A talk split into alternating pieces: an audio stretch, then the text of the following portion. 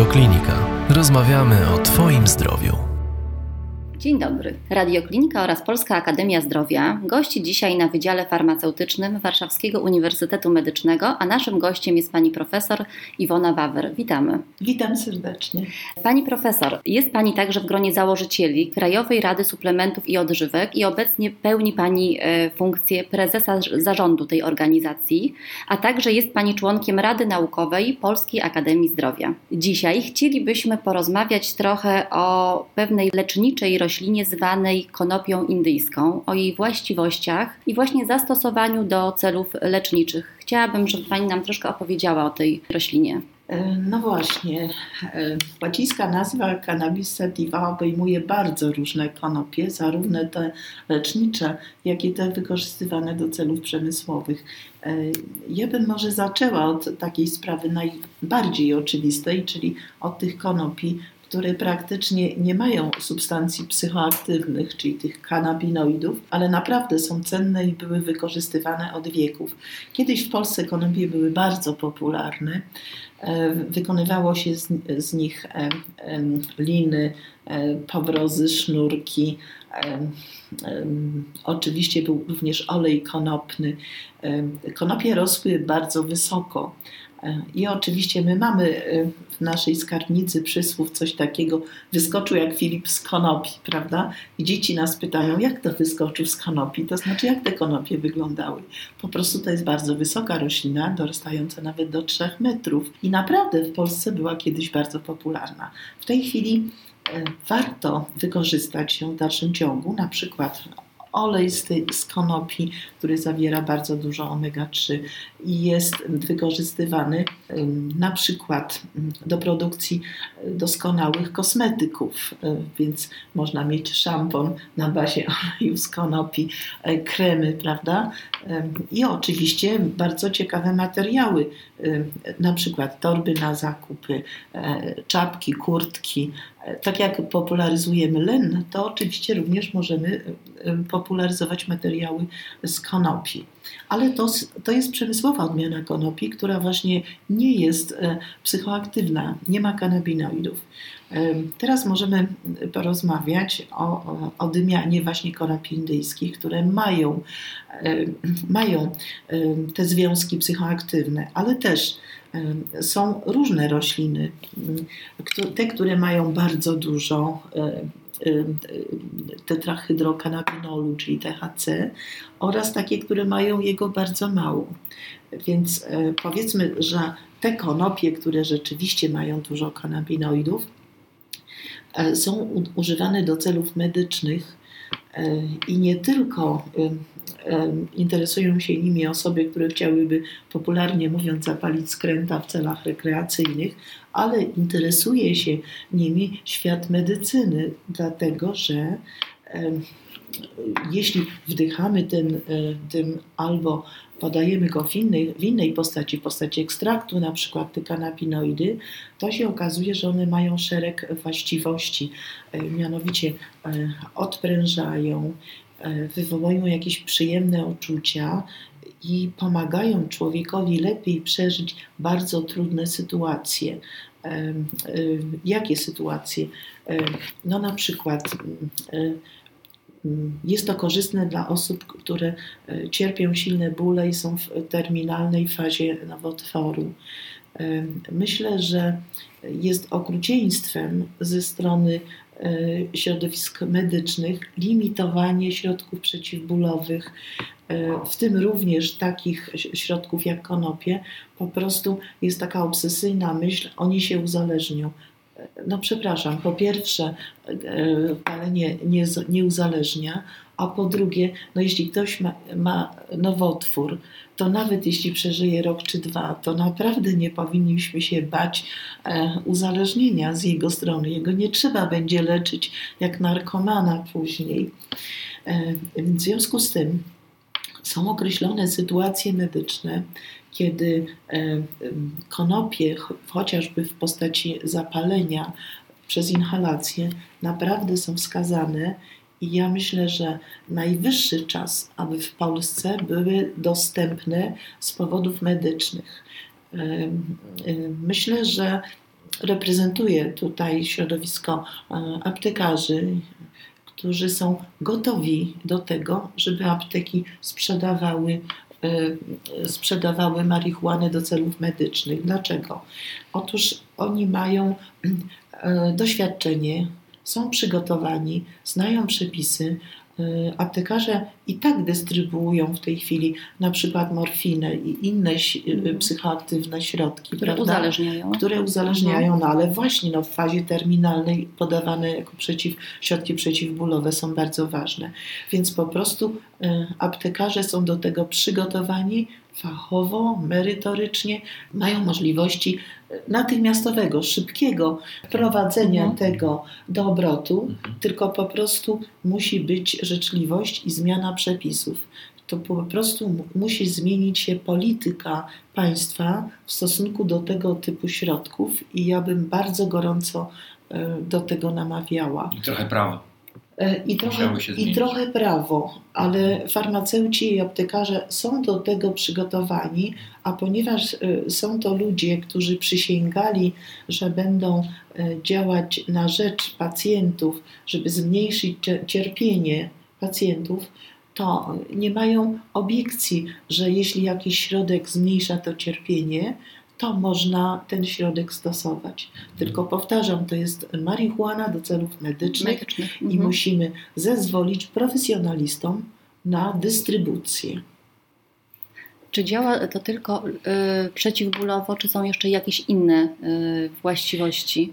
Jest sporo y, publikacji na ten mm. temat, y, komu należy to, komu można poda podawać.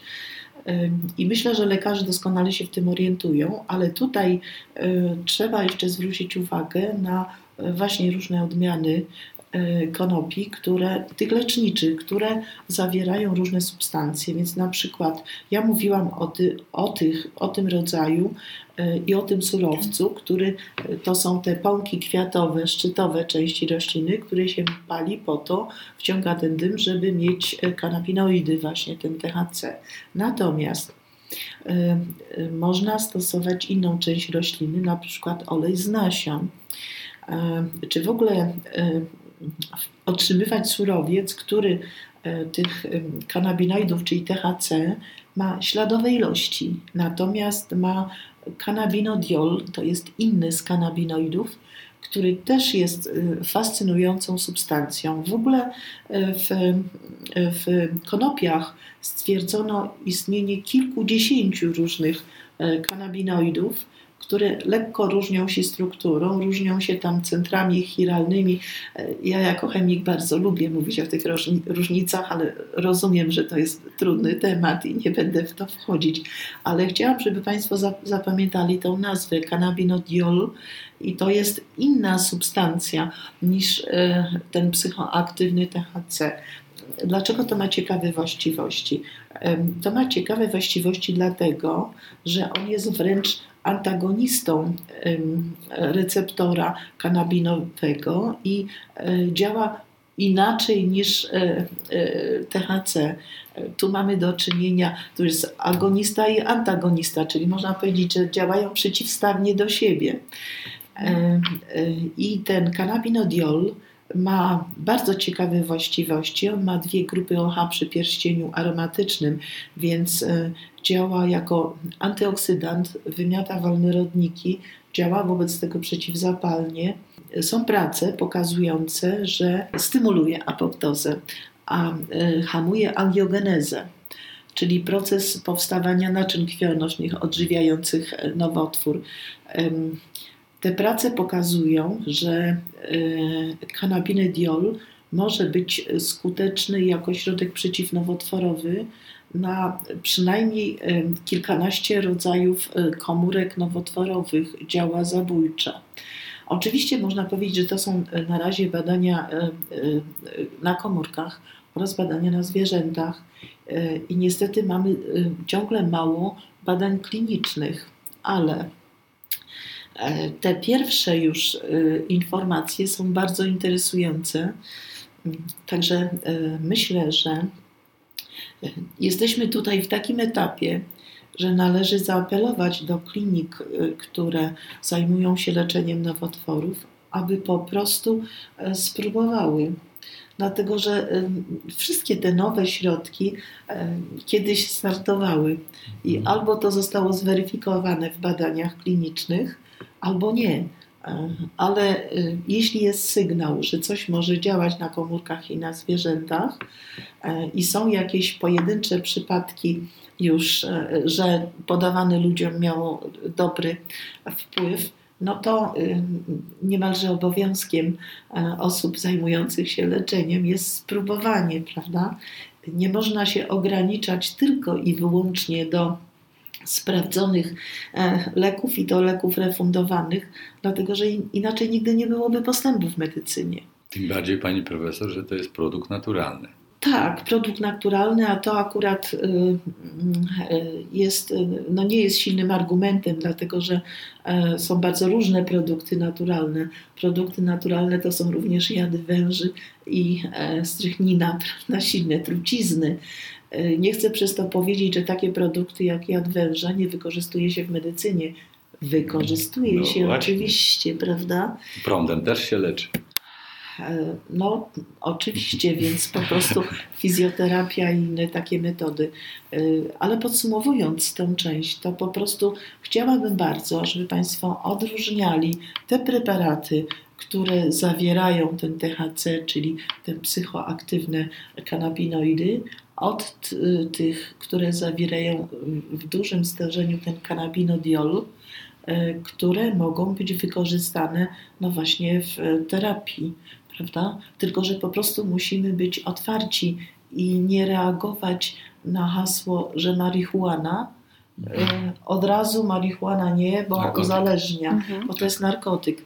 E, Cannabinediol nie jest e, kanabinoidem, który uzależniałby, Mhm. prawda? Mhm. więc jest inaczej podawany.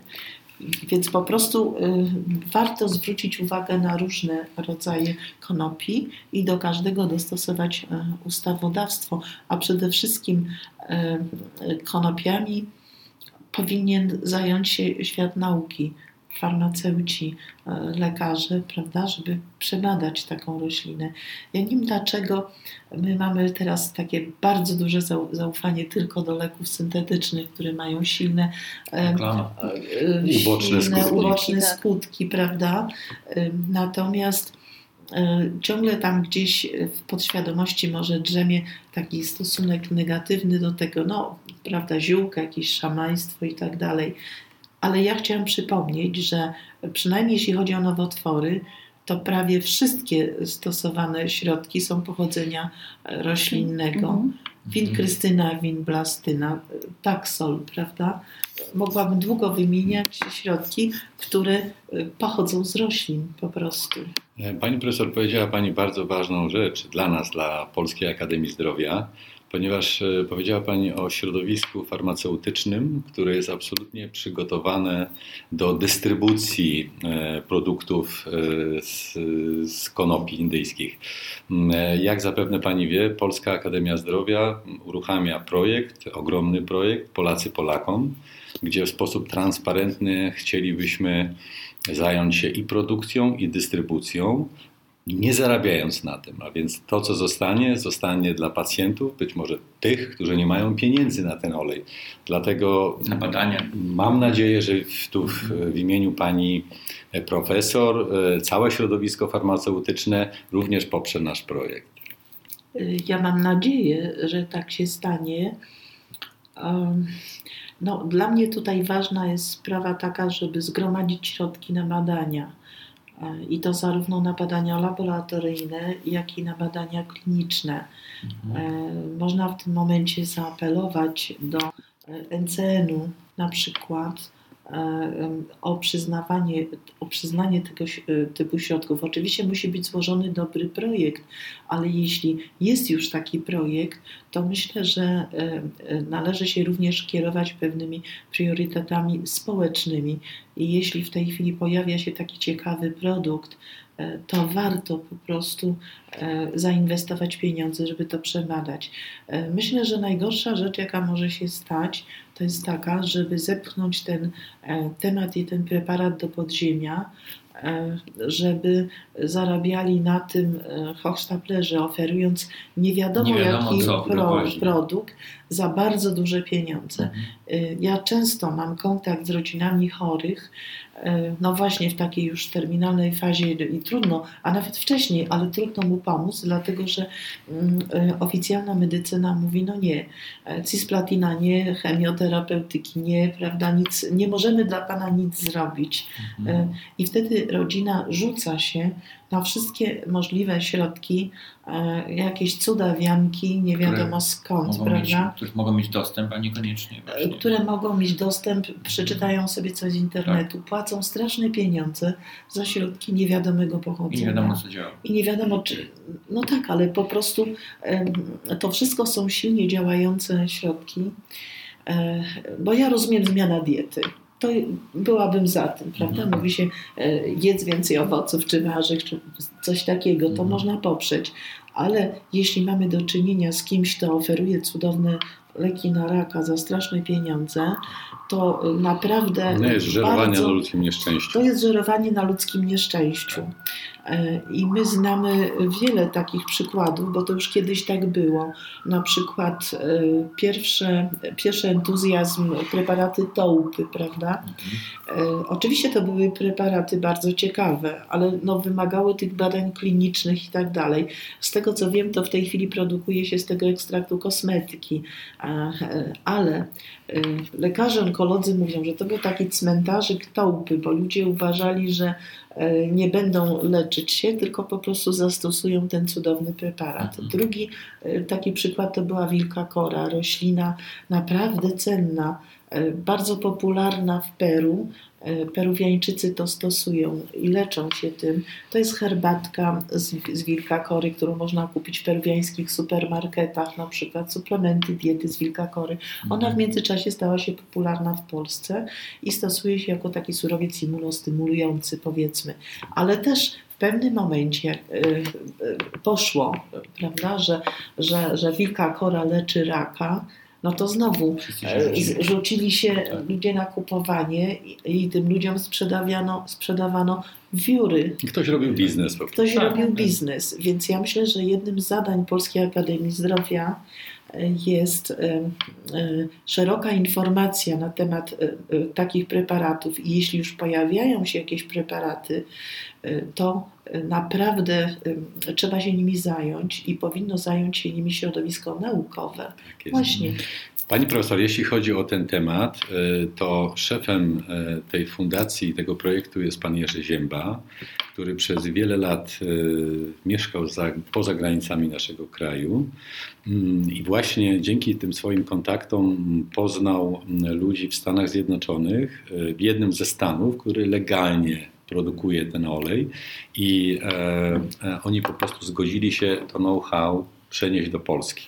A więc ten projekt, o którym Pani mówiła, on jest w tej chwili formułowany. Jeśli możemy z tego miejsca mm, zaapelować do naszych słuchaczy, bo to, co Pani profesor powiedziała, tu będą potrzebne pieniądze. Mamy nadzieję, że i, i to laboratorium, w którym Pani tu jest, pomoże nam w jakiś sposób. Mamy właśnie do współpracy już kilka laboratoriów, z którymi współpracujemy, żebyśmy mieli pieniądze na to, żeby zrobić ten e, olej polski i żeby on był dla Polaków, dla naszych pacjentów. No i przede wszystkim, żeby był tańszy, zbadany, Dokładnie bezpieczny. o to nam chodzi. Mhm. E, Nasze strony internetowe to www.paz, jak Polska Akademia Zdrowia, .org.pl. Także apelujemy z tego miejsca, jeśli Państwo popieracie ten projekt, to zasilcie mm, nasze stowarzyszenie, ponieważ jesteśmy stowarzyszeniem non-profit, a więc y, te pieniądze, tak jak powiedziałem wcześniej, w sposób transparentny będziemy pokazywać, będzie do wglądu, kto chce, będzie mógł to sprawdzić. Ja jeszcze może tutaj dopowiem, że sam projekt e, pod nazwą Polacy dla Polaków e, chcemy, żeby był w 100% sfinansowany przez Polaków, czyli nie chcemy sięgać po pieniądze państwowe, nie chcemy sięgać po pieniądze unijne, nie chcemy żadnych e, dofinansowań z jakichkolwiek projektów, dlatego że chcemy, żeby to było czyste, przejrzyste, e, żeby tutaj nikt, że tak powiem, nie musiał, e, czy albo nie chciał ingerować ze, przez to, że sięgamy po jakieś pieniądze. To ma, być, to ma być oparte tylko i wyłącznie o, o darowizny, o, o bycie członkiem Polskiej Akademii Zdrowia. I, I z tymi pieniążkami e, chcielibyśmy zrealizować ten etap, który przed chwilą kolega mówił. Pierwszy etap to jest doprowadzenie e, do tego, aby e, można było legalnie przeprowadzić ten proces, który spowoduje, że będzie, że będzie, to, ten proces, że będzie to legalna ta, ta uprawa. A drugim etapem to jest właśnie kwestia produkcji. I to, co właśnie pani profesor mówi i tu kolega wspomniał.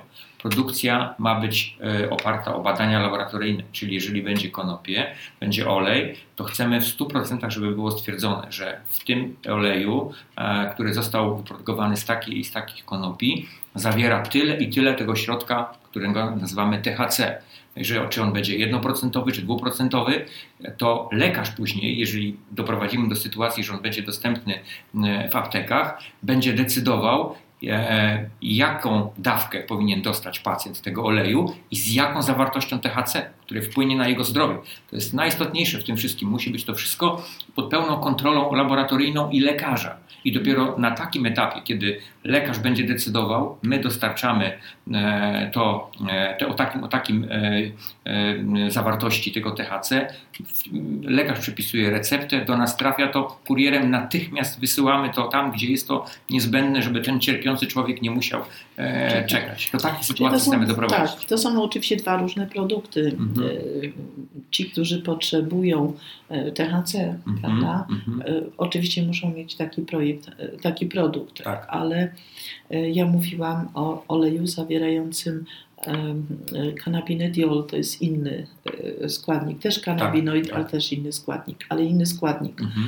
E, I myślę, że oba rodzaje produktów, Mhm. zarówno THC, jak i kanabinediol e, są pożyteczne i ja bym zaapelowała właśnie do środowisk naukowych o włączenie się zarówno w standaryzację tego, bo to musi być dobre zaplecze analityczne, żeby powiedzieć, e, że gwarantowana jest zawartość tych substancji e, biologicznie czynnych, ale co ważniejsze, e, to jest kwestia badań i to również badań na zwierzętach, na ludziach i tak dalej. Więc dlatego e, mówię tutaj z lekką rezerwą e, e, co do sposobu gromadzenia środków, bo oczywiście Państwo mają bardzo szlachetne zamówi- znaczy zamierzenia, ale badania kliniczne dosyć drogo kosztują, prawda? I to trudno. I czasochłonne są. Tak, i to, to trudno przejść taką barierę, dlatego e, myślę, że problem jest wspólny, dotyczy wszystkich obywateli Unii Europejskiej, Mhm. więc ja bym zachęcała do starania się o granty na poziomie unijnym.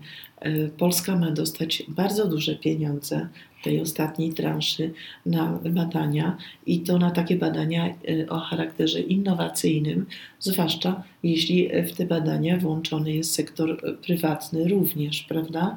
Więc e, jest to taki klasyczny przykład, kiedy środowisko naukowe może coś przebadać, prawda? A jednocześnie firmy mają tą część aplikacyjną, prawda? Że to my nie badamy czegoś, co jest w ogóle absolutną teorią, prawda? E, znaczy ja bym oczywiście bardzo chętnie zrobiła modelowanie molekularne receptorów i tak dalej.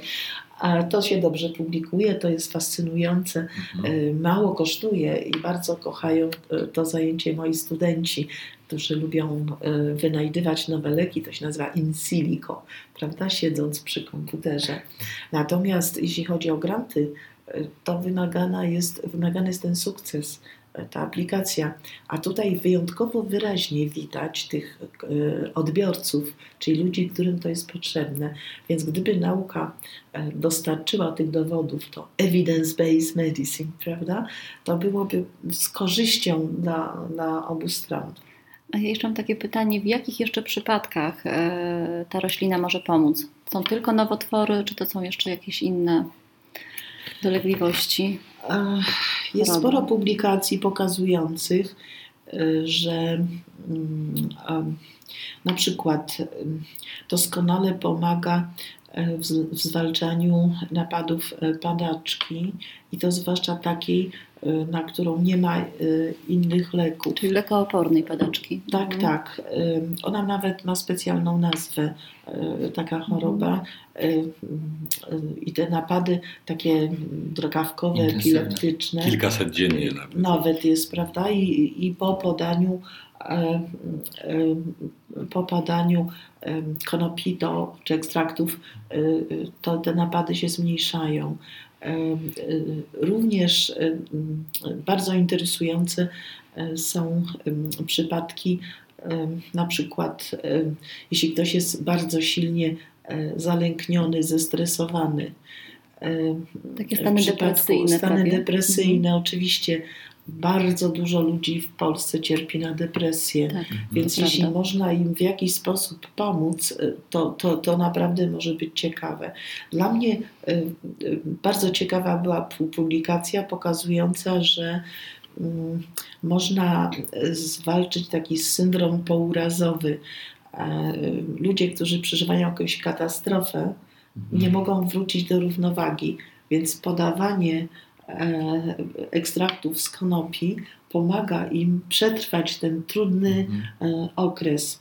Em, Wiem, że na przykład specjalną opieką psychologiczną objęci są polscy żołnierze wracający z Afganistanu, z misji, Z misji, prawda? Z mhm. misji ogólnie rzecz biorąc. E, Myślę, że to jest bardzo interesujące dla Instytutu Medycyny Wojskowej, e, żeby zrobili tego typu badania e, z preparatami z Tak konopi. syndrom misji. Tak jest, Mhm. syndrom misji. E, To jest e, takie narzucające się e, A coraz zastosowanie. częściej e, słychać Niestety, u tych naszych niestety. żołnierzy, którzy wracają. Ale nie tylko naszych, Jurko, to jest problem całego świata. No, mówimy na razie o Polsce, dlatego mówię o naszych. To jest problem oczywiście całego Wszystkich, świata, tak. powrót z misji, Tak. Ale to są tak traumatyczne doświadczenia, że potem tym ludziom zmienia się psychika i bardzo trudno jest im dostosować się do ci, którzy życia. biorą dział, e, udział w typowych działaniach wojennych. Tak jest i dlatego to są sytuacje, kiedy tego typu środki pomagają i myślę, że warto o tym e, powszechnie mówić. Jasne, zwłaszcza, że na świecie są stosowane legalnie i, i są e, wyniki, e, są osiągnięcia już i przypadki poprawy, Bardzo Lub dużo. wyleczenia. Wyleczenia. Tak, poprawy Mhm. wyleczenia. Tak, tak. Mhm. Bardzo dużo jest takich e, przypadków, ale e, e, no, nas e, najbardziej interesują takie badania kliniczne, które są e, zgodne z protokołem, czyli jest wystarczająco dużo uczestników, prawda, jest statystyka i tak dalej. E, Natomiast e, dużo jest takich raportów, takich pojedynczych przypadków, czy, czy dwu, e, trzy osoby zostały przybadane i tak dalej. To jest oczywiście bardzo cenny sygnał, że coś działa, ale no znowu do akceptacji jakiejś procedury medycznej to potrzebne są te badania e, odpowiedniej jakości i te badania muszą powstać i te badania są bardzo drogie w wykonaniu. E, I tutaj e, naprawdę apelowałabym o skorzystanie z funduszy, ponieważ surowiec jest bardzo ciekawy Mhm. i prawdę mówiąc, szkoda trochę tracić czas, prawda? Tak. Patrząc Zbyt ile dużo ludzi ludzi, odchodzi. dużo ludzi odchodzi, którym nie mogliśmy pomóc. Tak. A my Przynajmniej mamy ulżyć wiedzę, Tak. w tej ostatniej drodze. prawda, przynajmniej odejść e, e, Godnie. godnie. Bez cierpienia. Mhm. odejść bez cierpienia. Ja mogę taki indywidualny e, fakt przytoczyć i to był mój błąd, jak odchodził mój ojciec. Cała rodzina uważała, że on powinien e, odejść w domu, e, otoczony e, bliskimi i tak dalej. Tymczasem on cierpiał w domu, bo po prostu nie miał tych dożylnych środków. Trzeba mu było podać morfinę i tak dalej. Ja wtedy e, no, stałam się tą czarną owcą i powiedziałam przepraszam, ale ja nie mogę patrzeć i e, odwiozłam go do hospicjum. I e, wierzcie mi, że ten e, błogi uśmiech na jego twarzy, jak podano mu leki dożylne przeciwbólowe, będę pamiętała e, pewnie do końca życia, e, ale to jest e, stereotyp, prawda? Mhm. Jak mogłaś ojca odwieźć do hospicjum? Ale człowiek powinien odejść godnie, bez bólu. Dlatego uważam, że właśnie w hospicjach hospicja powinny mieć wolny dostęp do wszystkich tego typu Tego typu To jest środków. kolejny Mhm. temat. Tak, i y, hospicja doskonale to rozumieją. Lekarze w hospicjach doskonale to rozumieją. No oni jako nie każdy lekarz może przepisać morfinę, a ci lekarze z hospicjum mają takie prawo. A no właśnie. I w związku z tym y, to jest y, środek, który powinien trafić do hospicjum jak najbardziej. Bardzo dziękujemy za rozmowę i zapraszamy do zapoznania się z projektem Polacy dla Polaków oraz odwiedzenia strony Polskiej Akademii Zdrowia, gdzie będą Państwo o wszystkim informowani na bieżąco. Dziękujemy Pani Profesor za rozmowę. Dziękuję bardzo. Zapraszamy też na nasz profil na Facebooku, na Facebooku tak. jak również na nasz kanał na YouTubie, na YouTubie pod nazwą Polska Akademia Zdrowia, gdzie można też na bieżąco nasze, e, nasze informacje obejrzeć. Dziękuję. Dziękuję bardzo. Więcej audycji na stronie radioklinika.pl